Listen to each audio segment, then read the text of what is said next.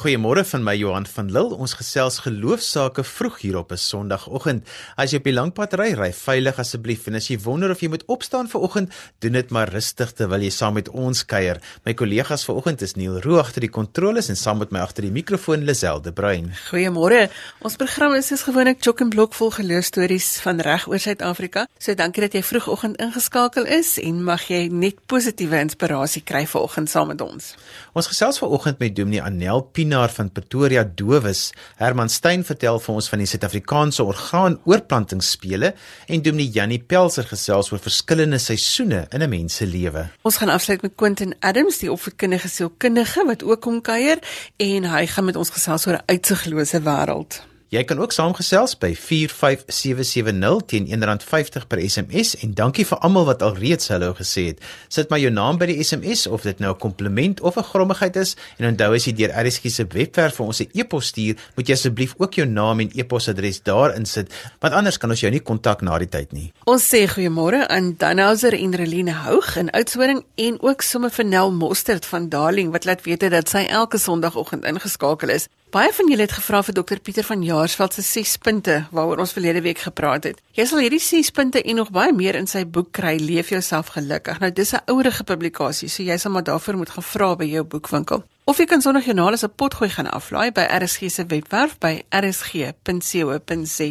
En as nie een van daardie opsies vir jou werk nie, dan het ons die 6 punte waaroor ons verlede week gesels het op Sondag Joernaal se Facebookblad. En so daarvan gepraat Karen van Bosch was ons duisendste like. So Karen, jou verrassing is al reeds op pad na jou toe. Dankie dat jy ook daar saamgesels.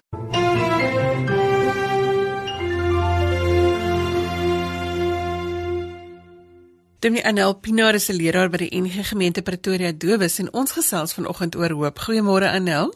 Goeiemôre Lisel, dit is lekker om vanoggend so saam te gesels. Anel, in jou werk met dowe mense, hoe maak jy geloof vir hulle verstaanbaar? Lisel, dit is vir my so 'n lekker uitdaging om geloof te herdink en te probeer om iets daarvan verstaanbaar te maak vir my dowe vriende.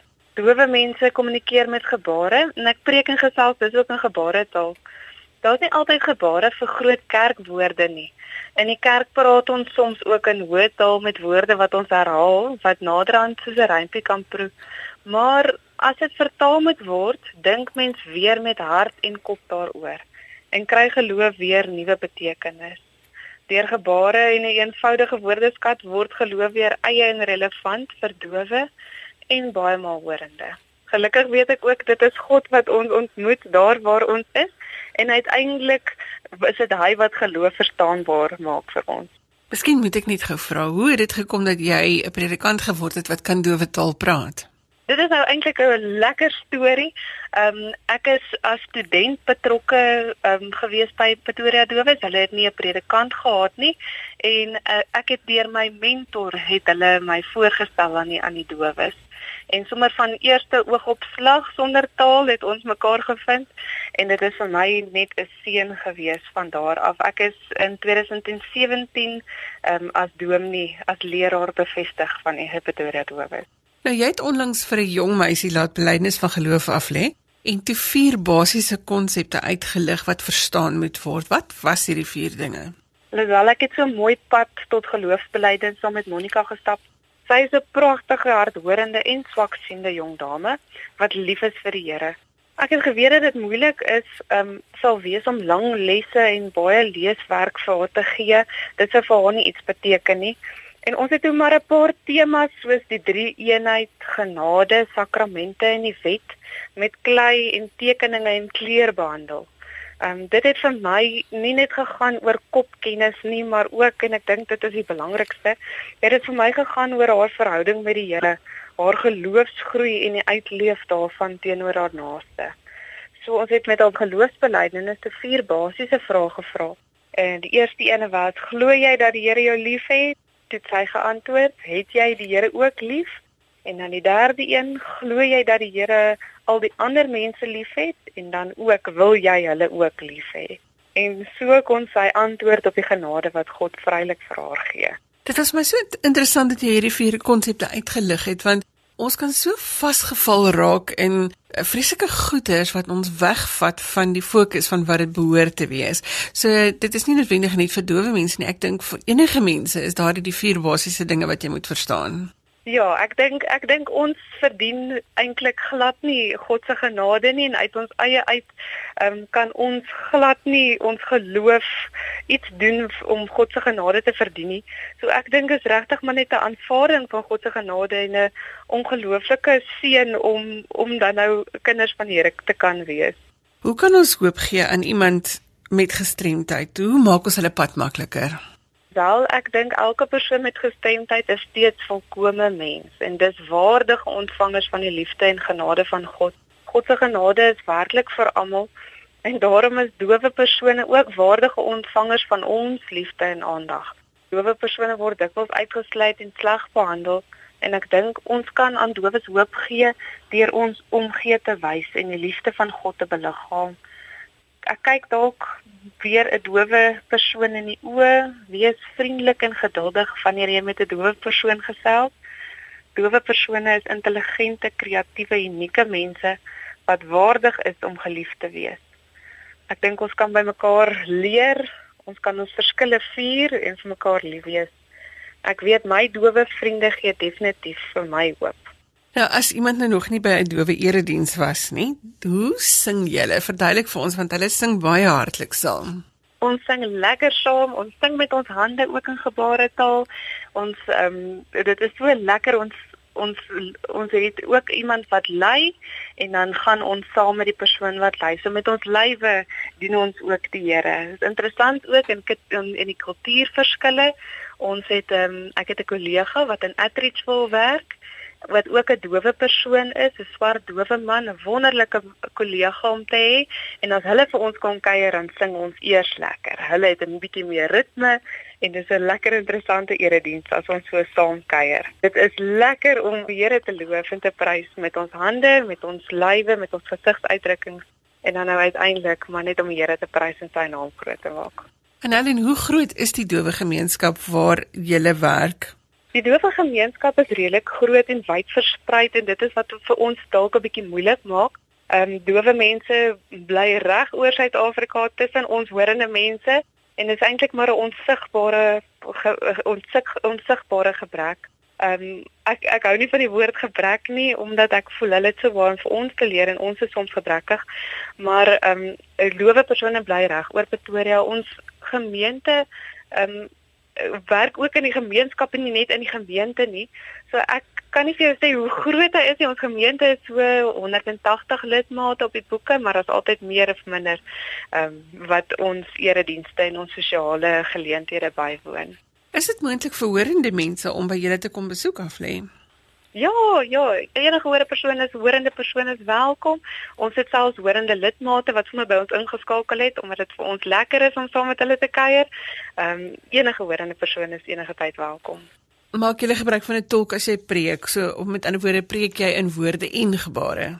Ek preek in gebaretaal, maar ek sit my stem by. So enige persoon kan verstaan, almal is welkom. Ons het ook hardhorende persone in die gemeente So ons gebruik ook 'n klankstelsel en ons doen al die dinge sodat almal welkom kan wees in die huis van die Here. Anel baie dankie dat jy vir ons 'n bietjie gesels het oor hoe jou leefwêreld lyk. Dankie daarvoor. Dankie Lisel, dit was 'n groot voorreg om vanoggend saam te kon gesels. Die stem daarvan Anel Pinaar van Pretoria Dowe Gemeente. Herman Stein is betrokke by die South African Transplant Sport Association en ons gesels vanoggend oor orgaanoorplanting. Herman het self 'n nuwe hart en hy deel sy geloofspad met ons. Goeiemôre Herman. Goeiemôre Lisel, gaan dit goed? Dit gaan met my baie goed, dankie. Sê net eers vir ons wat doen SATSA? SATSA, die Engels daarvoor is die is die South African Transplant Sports Association of terwyl dan die Suid-Afrikaanse Oorplanting Sportvereniging. Uh nou uh die organisasie het in 1994 in April het dit begin. Dit was die naam Transplant Games Association of South Africa. Uh dit is gestig deur 'n klein groep orgaanontvangers en in September 2006 is die vereniging se naam verander na die South African Transplant Sports Association of in kort is dit SATSA. Ons ken hom almal as SATSA. Dit is 'n nuwe insgewende organisasie en ons is 'n lid van die World Transplant Games Federation en ons word erken deur die departement van sport en ontspanning in Suid-Afrika en ons is ook 'n geaffilieerde lid van die Suid-Afrikaanse Sportkonfederasie en die Olimpiese Komitee is ook bekend as SESCOC, almal ken hom as SESCOC. Daar is omtrent 87 sportfederasies in Suid-Afrika wat aan SESCOC behoort. Nou uh, SATSA is 'n doelgedrewe sportorganisasie en ons strewe is om die kwaliteit van lewe van orgaanontvangers te optimaliseer en uh, ons bevorder ook orgaanskenking en oorplanting deur uh, sport en ander fisiese aktiwiteite. Nou ons neem elke 2 jaar deel uh, aan die Suid-Afrikaanse oorplantingsspele waar atlete dan probeer kwalifiseer vir die wêreldoorplantingsspele wat die daaropvolgende jaar plaasvind. Nou ons volgende Suid-Afrikaanse oorplantingsspele is nou in Julie maand. Uh dit gaan in Port Elizabeth wees. Uh ons het verlede jaar in Junie maand het ons in Malaga in Spanje het daar Protea span van 52 atlete deelgeneem. En ons het uit 52 lande het ons uh derde geëindig. Dis die derde jaar wat ons derde geëindig het. Ons het in 2013 in Suid-Afrika, dit was die eerste keer wat die spele in Suid-Afrika gehou is en ook in 2015 in Argentinië het ons ook derde geëindig.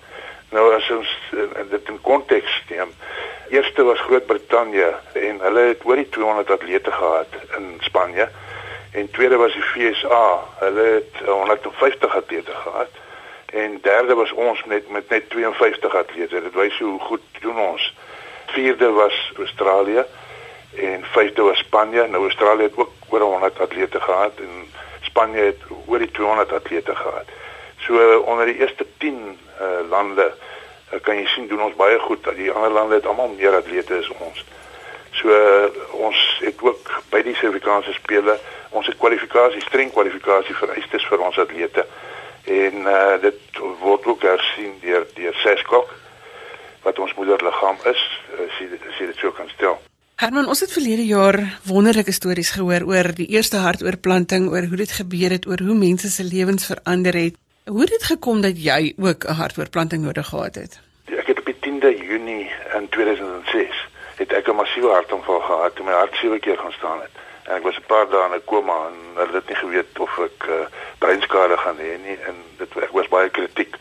Nou daarna het ek 'n driedubbele hartomleiding gehad. Daarna ook het hulle vir my pasaangering gesit. Nou dinge het goed gegaan vir my tot in Mei 2010 dink ek, waarna my hart geleidelik verswak het en in Oktober 2010 het my kardioloog my vertel dat die enigste bepalende prosedure vir my hartoortplanting was. Hy het my na dokter Willie Koen by die Christian Barnard Memorial Hospital in Kaapstad verwys. En in November 2010 is my evaluering en toetse gedoen en is ek op die waglys geplaas vir hartoortplanting. Nou, ek was 2 jaar lank op die waglys en dit was die moeilikste deel van die proses vir my. Uh op daai stadium was my langtermyn prognose swak. Ek was te moeg om veel te doen. Ek het min energie gehad, eenvoudige dinge soos om uit die bed uh, te klim en, en in die stort te staan vir my moeilik om hierdie dinge te doen. Ek het gesukkel om asem te haal en om die gewone alledaagse dinge te doen wat die meeste mense as vanselfsprekend aanvaar. Uh, ek het gevoel dat my lewe nie my eie hande was nie. Ek het myself gewoon op my ten alle tye en ek het gewag vir 'n oproep. En op die 4de Desember het ek 'n oproep gekry dat die hart beskikbaar was. En dit was na 2 jaar, soos ek gesê het, ek was 2 jaar op die waglys. En op die 5de Desember het ek my hart ontvang. Nou net om terug te kom wat jy gesê het op die uh Desember verlede jaar was dit die 50ste herdenking van die eerste hartoortplanting wat dokter Chris Barnard in Kaapstad gedoen het. Nou in Kaapstad by die groot skierhospitaal is daar ook 'n hartmuseum en ek was een die enigste uh hartontvanger wat genooi was na die funksie toe dit was uh, streng vir uh dokter Barnard se vriende en sy familie. Sy uh, kinders was almal daar. Sy uh, vorige vrou was daar. 'n uh, ding wat ek vir altyd sal onthou. Herman, watter invloed het hierdie hele pad op jou geloof gehad? Jy moes wag, jy het 'n hart gekry, iemand moes sterf sodat jy 'n hart kon kry. Wat gebeur in jou kop met jou geloofspad met al hierdie dinge? Baie mense voel en baie mense wat organe ontvang het, voel ook dat iemand anders moet sterf voordat jy iets ontvang. Ek glo nie heeltemal so nie. Die persoon sou in elk geval gesterf het. Dit is die Here se wil gewees. Ek dink ons het almal 'n pad wat wat die Here vir ons uitwerk. En ek voel net die persoon sou sou uh, in elk geval dood gegaan het en hy het uh, my lewe gered deur uh, sy organe te skenk. Ek was ook een van die minder uh, dat dit gebeur nie gereeld nie, maar ek het uitgevind wie my wie my wie se hart ek gekry het. Die persoon se vader en ek was saam op skool. Hy was 'n paar jaar voor my.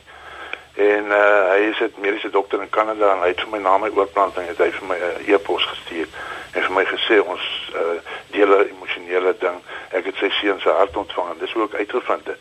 Ek en my skenkers se ouers is nou nog in kontak. Hulle bly in Kanada. Ek moet ook sê jy het gevra wat se invloed het dit op my geloof gehad en ek moet ook sê watter invloed het my geloof op my oorplanting gehad. My geloof was nog altyd sterk, uh, maar na my oorplanting het dit net sterker geword. Uh sonder my geloof in my Skepper sou ek nooit die finale stadium hartversaking oorleef het vir die 2 jaar en die 2 jaar wat ek op die waglys was nie. Jy weet toe ek wakker word in intensiewe sorg die dag na die oorplanting, was een van die eerste items wat my vrou aan my oorhandig het my Bybel.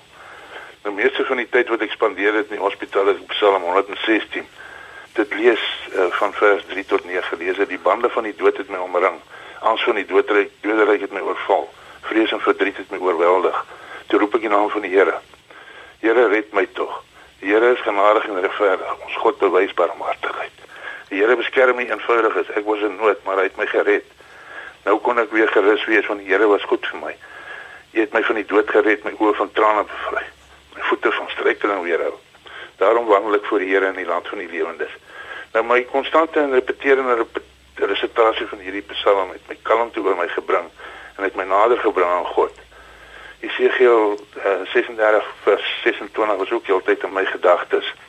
Dit lei en ek sal vir julle 'n nuwe hart gee en 'n nuwe gees in julle binneste gee. En ek sal die hart van klip uit julle vlees wegneem en julle hart van vlees gee. Ek het feitelik 24 ure 'n dag gebid en my hele bestaan aan die Here opgedra. En ek het opgehou om my waarde en my mislukkings te bevraagteken. En ek het gefokus op die heilige en die toekoms. Net my Skepper het geweet of ek sou leef of sterf. Die Here het my geseën met 'n tweede kans op die lewe en my soon aan die dood te bring en my geloof vir hom te toets. Uh ek moet ook byvoeg dat my kinders en sy familie sonder ophou bedank het vir hulle on, onselfsugtigheid. En daar is geen twyfel by my dat slegs my geloof en my vertroue was wat my deur daai moeilike tyd gedra het. Nie. En dan die geboorte gebede van my familie en vriende van reg oor die wêreld Nou ek waardeer elke dag my tweede kans op die lewe. En my Skepper is hiervoor verantwoordelik.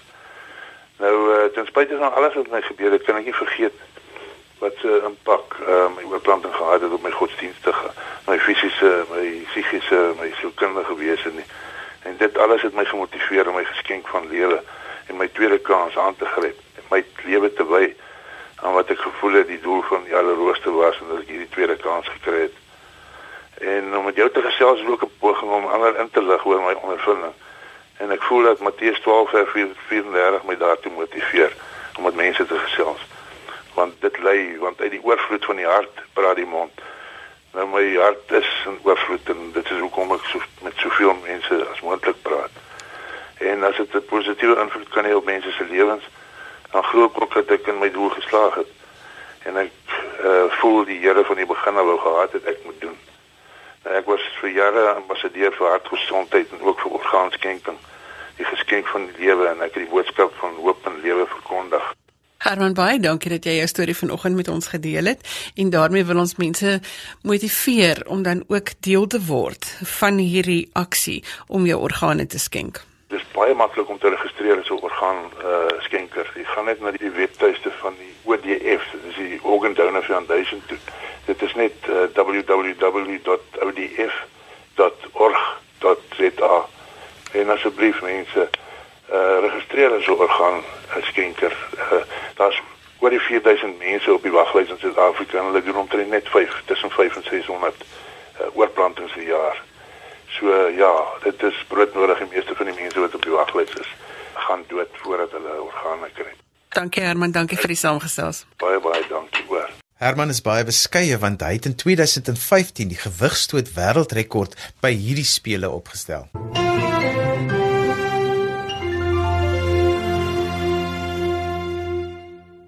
Demiani Pelser is verbonde aan die Randendal Prisma gemeente vanoggend kuier hier by ons in die Kaapse ateljee om vir ons 'n bietjie perspektief te gee oor hoe ons as gelowige Suid-Afrikaners met mekaar oor geloof saam kan leef. Goeiemôre Demi Pelser. Goeiemôre. Ek kry gereeld vrae van mense wat wil weet wat dit beteken om in totale afhanklikheid van God te leef. Nou jy het self onlangs besluit om as tentmaker in die bediening te staan. Help ons hiermee. Ek gesels baie graag daaroor. In die eerste plek wil ek net sê dat wanneer iemand besluit om op hierdie wyse waarop ons tans uh, besig is met die dinge van die Here, dan beteken dit dat dit 'n heldhaftige daad is of dat jy beter is as enigiemand anders in die smeer nie. Ek wil sommer reg aan die begin kom sê ons almal leef in totale afhanklikheid van die Here. Daar is nie eers een asemteug wat ek kan sê ek self gehaal het was dit nie sonder die toelatende en bemagtigende wil van God nie. Elke dingetjie wat ek ontvang in hierdie lewe is 'n genade gawe uit sy hand uit. Ek roem en absoluut niks nie behalwe my radikale afhanklikheid van God. Of ek nou aan die einde van die maand 'n cheque kry of nie 'n cheque kry nie, dit maak geen verskil nie. Aan die einde van die dag is ons afhanklik van die Here. Maar dat dit gebeur tog wel dat uh, in die normale gang van sake normaalweg iemand soos byvoorbeeld 'n dominee deur 'n gemeente in diens geneem sal word, dat 'n sekere pakket onderhandel sal word wat voorsiening maak vir sy lewensonderhoud en dis heeltemal 'n Bybelse beginsel dat die arbeider se loon werd is en uh, dat daardie persoon dan op daardie wyse binne 'n gemeente sal dien. En dan aan die ander kant kom daar geleenthede soos in ons eie lewe sedert Maart maand waar ons die oortuiging uh, oor die af die jaar wat van tevore is begin ontwikkel dat die Here vir ons daartoe bring om te verstaan dat die seisoen in die gemeente 32 jaar het daardie seisoen geduur dat daardie seisoen nou tot 'n einde kom en dat ons met die bestuursraad moes gesels om ons vry te maak van alle gemeentelike verpligtinge sonder enige noodwendige finansiële verantwoordelikheid teenoor ons. Met ander woorde ons vertrou ook hierin. Ek wil nie sê ons vertrou die Here. Ek sê ook hierin, soos enigiemand anders, ook hierin dat die Here op 'n ander manier sal sorg vir die as ek dit nou platant kan stel, die salaris check, maar ons is almal van hom afhanklik.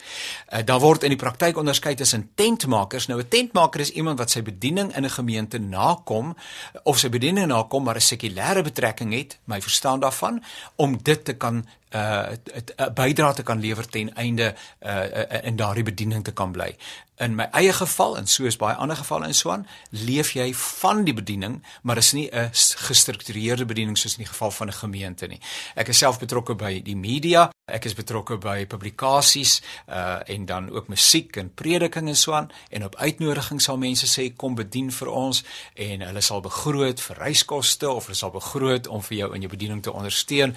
Uh dan is daar mense mense wat doodgewoon glo dat dit wat in jou lewe gebeur van die Here is, dat hulle in die bediening wil wil saai. Dit is net 'n ander manier en 'n ander plek waarin mense saai. So, ek wil net weer 'n keer sê, ons almal leef uit die hand van die Here. Ons kan sonder geloof kan ons hom nie beïndruk nie. Daar's geen manier nie. En so dis net 'n ander modus van besig wees met die dinge van die Here. Dit is 'n baie mooi verduideliking wat jy vir ons gegee het, maar kom ons kom 'n bietjie by jou hart. Want ek dink dit is wat ons vir mekaar moet kan sê om in afhanklikheid van God te lewe. Hoe neem jy daai besluit wat jy nou sê, goed, ons lewe nou in hierdie wêreld ja. van finansiële vergoeding. Ja. Daar's 'n huis, daar's 'n kos, jy's 'n oupa, daar's kleinkinders, al hierdie tipe ja. van dinge. Ja.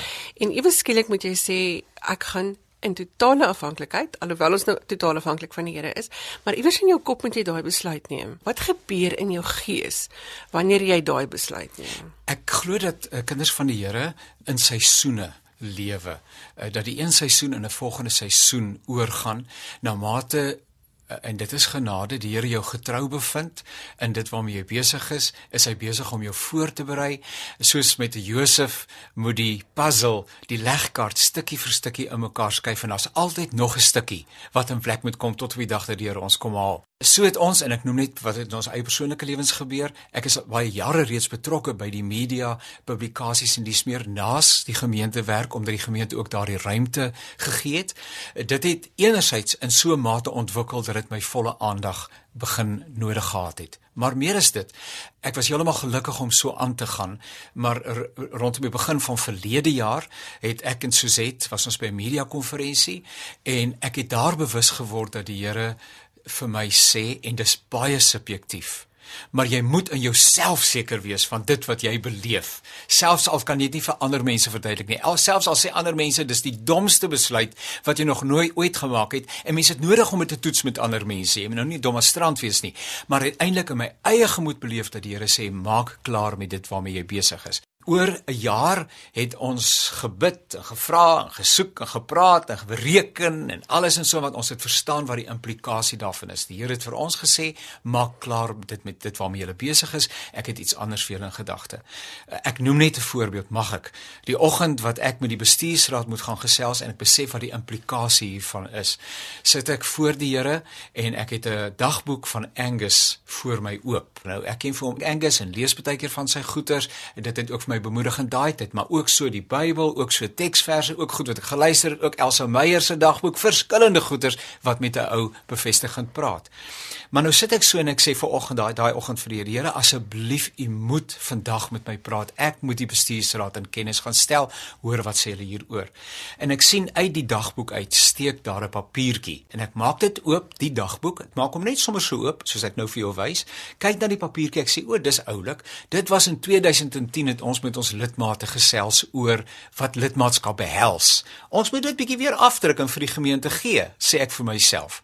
En die volgende oomblik val my oë op 'n inskrywing wat ek 14 Januarie 2010 op die heel eerste bladsy van daai boek dagboek gemaak het, wat ek nie weet daar is nie.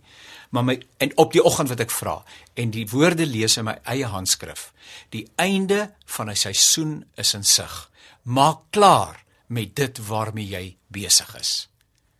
Uh, uh, nou nou dan kan jy mos nou nie twyfel nie. Nou kom daar 'n punt van gehoorsaamheid waar jy sê daar's roeping in my by my hart. Dit maak sin, maak ook sin. Ek het bepaalde gawes by die Here gekry. Daar is 'n bietjie huiswerk al gedoen en so aan. Maar hier het ek vanoggend vir die Here gesê, "Praat met my en nou moet ek as ek dan die naam gelowige werd wil wees, moet ek nou daai sprong in die geloof waag." Uh, ek weet nie alles nie, maar Ek weet ook dat God vir ons sal sorg. Buite kan ons ons huis deur al hierdie jare hang daar 'n bordjie wat sê God sal sorg. En so het ons hom beleef en ook hierin ervaar ons dat die Here dag vir dag vir ons uitgaan. Kom ons vat dit saam in een sin, want daar's baie mense wat vir ons luister wat weet dat hulle nou met 'n seisoen moet klaarmaak. Ja. Nou nie noodwendig die groot sprong van geen salaris of enigiets nie, maar hulle moet klaarmaak met 'n seisoen in 'n verhouding of by die werk of of iets. Daar's daar's iets waarmee hulle moet klaarmaak. Waarna moet jy kyk?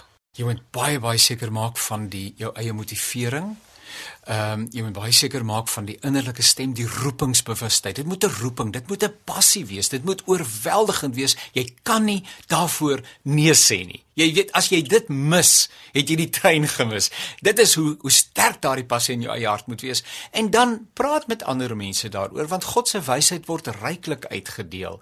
En dit is ook so dis die mense met wie jy praat, met wie jy die visie deel wat uiteindelik sê maar ons hoor ook die Here in jou lewe en jy kan maar gaan ons gaan jou vang. Ons gaan daar wees vir jou. So praat met mense, deel met mense daardie visie. Maar uiteindelik gelowiges beteken dat ons te midde van onsekerheid stappe in die geloof neem. Geloof beteken niks wanneer alles hankie dorie is nie, eh, want dan sit van selfsprekend, dis nie geloof nie, maar dis wanneer ek gechallenge word in my menswees, in my situasie, in my konteks en ek 'n tree moet gee, ook wat my verhouding met ander mense betref. In Suid-Afrika sal die kerk tree moet gee. Geld word al hoe minder. Eh, gemeentes bondel saam. Daar sal wat hierdie saak betref, sal daar baie baie besliste tree gegee moet word van seisoene wat vir altyd verby is, nuwe seisoene wat opdam en die kerk sal moet besluit of hy daai seisoen gaan omarm en of hy gaan toemaak. Demiani baie dankie vir jou kuier by ons vanoggend. Baie baie dankie. Dominee Janie Pelser het gesels oor die nuwe seisoen in sy lewe en ons gaan binnekort nog meer oor hierdie onderwerp gesels. Ons gesels geloofsaake tot kort voor 8uur wanneer ons oorgie aan Nienke Geldenhuys vir die Bybelstorie, maar eers gesels ons met Quentin Adams oor inspirasie en uitsigloosheid. Quentin Adams is opvoedkundige sielkundige en 'n gereelde kuiergas hier by ons en vanoggend wil ons gesels oor hoe om hoop te gee wanneer jou toekoms geen uitsig meer het nie. Môre Quentin. Goeiemôre Lisel. Die jaar is nog relatief nuut en terwyl ek ons dagboeke gekarteer het vir 2018, het ek gewonder wat maak jy as jy nie weet wat jou plan vir môre is nie. In uh, die konteks waar ek werk is dit 'n uh, is 'n realiteit vir vir miljoene mense in ons land en waar hulle opstaan in die oggend daar's nie werk nie daar's nie kos wat hulle moet eet nie en dan behalwe dit is dit die kinders en ek dink is 'n moeilike situasie vir ouers om in 'n situasie te wees waar hulle nie kos het nie en waar hulle nie. Daar's nie 'n moontlikheid van inkomste wat hulle kan kry nie en sommige van die mense self nie hierdie dokumente nie wat in hierdie situasie is. So daar's ook nie die die verwagting dat daar moontlike staatstoelaas wat hulle gaan kry nie. En daarom is dit belangrik dat ons moet verstaan dat daar gaan frustrasie wees, daar gaan depressie wees, daar gaan te neergedruktheid wees. En hierdie goed spoel oor na die kinders toe. Veral wanneer dit mans tref, dan sal jy 'n groter frustrasie begin kry en 'n geïrriteerdheid en sommige van hierdie frustrasie en geïrriteerdheid gaan oor in verbale mishandeling en verbale misbruik. En daarom is dit belangrik dat ons hierdie konteks moet verstaan en dis altyd vir my interessant om te kyk na padwoede, hoe pyn en hoe trauma uh, oorslaan in in in padwoede My lewe is staamlik doelgerig in terme van dat ons hoop moet bring in ons samelewing en een van my teksvers is uh, Jesaja 6 vers 8 waar die Here vra wie sal ek stuur en wie sal gaan en die profeet antwoord hier is ek stuur my Wat is die uitroep? Die uitroep is dat die Here met iemand stuur. Hy moet hy met mense stuur en hy soek mense wat kan gaan. En ek dink dit is waar ons uh, verantwoordelikheid lê. En ek dink dit is 'n fantastiese geleentheid. Ehm uh, as jy deur deur God gevra word, is die vraag aan jou word gestel, is jy bereid om te gaan? Ek dink eerstens is dit 'n voorreg om so 'n vraag van die Here te kry. En daarom is dit belangrik dat ons hierdie oproep moet aanneem. Uh en ons beskikbaar moet stel om te sê Here, ons is beskikbaar. Ons is bereidwillig en dan baie belangrik Ons is diensbaar vir u vir hierdie jaar. Ek wil nou net vir jou vra, hoor ek die woord diensbaar hier iewers in jou antwoord? Ja, ek dink diensbaarheid is vir my een van die mooiste konsepte. Ek dink eerstens is nie 'n konsep wat jy oor moet praat nie. Dit is 'n dis 'n werkwoord, dis 'n aksie. Maar dit is ook 'n 'n hartkondisie. Dis 'n hartsaak. Ek dink dit is belangrik want vir my gaan diensbaarheid oor dat jy 'n veranderingsagent wil wees, dat jy wil beskikbaar wees. Jy wil beskikbaar wees om dinge beter te maak vir ander. Jy wil 'n diensbaar wees om 'n beter bestel daar te stel. Ehm um, jy wil uh, diensbaar wees om geleenthede vir mense te skep en dan baie belangrik om 'n beter toekoms vir mense daar te skep. En wat vir my interessant is van die konsep van diensbaarheid en hierdie verskynsel van van diensbaarheid is dit gaan nie oor jouself nie. Dis 'n wegbeweeg van hierdie selfgesentreerdheid Ehm um, jy begin wegbeweeg, jy begin dink aan ander mense, jy begin te dink aan die lot van ander mense. En ek dink ons ons ons uh, kan baie meer diensbaar raak in ons in ons samelewing. Ek het nou die vakansie die geleentheid gehad om te lees oor kunsmatige intelligensie. Dit was nou die onderwerp wat my nou besig gehou het in die vakansie en ek het verskillende artikels daaroor gelees. En hulle sê jy kan nie kunsmatige intelligensie verstaan as jy nie algoritmes verstaan nie. As jy nie waarskynlikheidsstudies en wiskunde verstaan en en ehm um, programmeringstaal en kode verstaan nie. En uh, ek het na hierdie dokument gekyk en ek sien is net formules en formules en uh hoe kunsmatige intelligensie die toekoms gaan wees. En nadat ek nou, jy weet, so 'n paar weke deur kunsmatige intelligensie gelees het, besef ek dis eintlik 'n baie komplekse ding. Ehm um, dis hoë orde denke, uh, dis baie kompleks. Maar diensbaarheid is nie kompleks nie. Diensbaarheid is 'n baie eenvoudige ding. Dit is jy raak bewus van die van die behoeftes van ander mense. Jy raak bewus van die van die pyn van ander mense. Jy raak bewus van die die nood van ander mense. En daarom is dit vir my absoluut belangrik dat ons ons al hoe meer beskikbaar moet stel om diensbaar te wees. En die rede hoekom ek sê dit is nie kompleks nie, dit is eenvoudig. As jy kan klein goedjies kan jy doen. Ehm um, een van die goed wat my getref het vir hierdie jaar was ehm um, hierdie tannie wat vir my gebel het en uh, sê haar dogter het sy gestuur om vir ons missies te gee vir die plakkerskamp. En ehm um, hier sit ek met 12 missies in my hand en ek wonder wat gaan die ervaring wees. Maar toe ek in die plakkerskamp kom, toe sien ek hoe opgewonde is hierdie kinders oor hierdie missies want dit was in die middel van winter gewees. Ek sal nooit vergeet van die vrou wat gediagnoseer is met kanker en wat van huis tot huis gegaan het om klere te gaan haal ten spyte van haar siekte, ten spyte van haar omstandighede, ten spyte van haar eie pyn en lyding en vrees en uitdagings, was sy bereid om om diensbaar te wees. En en dit is vir my die dit is vir my die die kruks van die hele idee is dat ten spyte van jou omstandighede, ten spyte van jou uitdagings, ten spyte van jou um behoeftes en ten spyte van jou bronne wat jy het, dat jy beskikbaar is om klein dinge uh groot te kan maak. En vir my is dit absoluut belangrik is die klein dinge wat groot impak kan maak. Quentin, baie dankie vir jou perspektief vanoggend. Baie dankie en mooi dag vir julle. En met die stem van Quentin Adams het ons aan die einde van vanoggend se program gekom. Van my Johan van Lille. Totsiens. Ons wag vir jou terugvoer. Jy kan vir ons e-pos met kommentaar of as jy 'n geloofstorie met ons wil deel by Lazel by www.media.co.za of jy kan vir ons 'n boodskap stuur deur die webwerf by rsg.co.za. Onthou asseblief om jou kontakbesonderhede by te voeg anders kan ek net lees en nie reageer nie. Tot volgende week groet ek namens produksieregisseur Neil Roo. Maak 'n punt daarvan om uit te reik en vandag iemand se dag makliker te maak. Totsiens.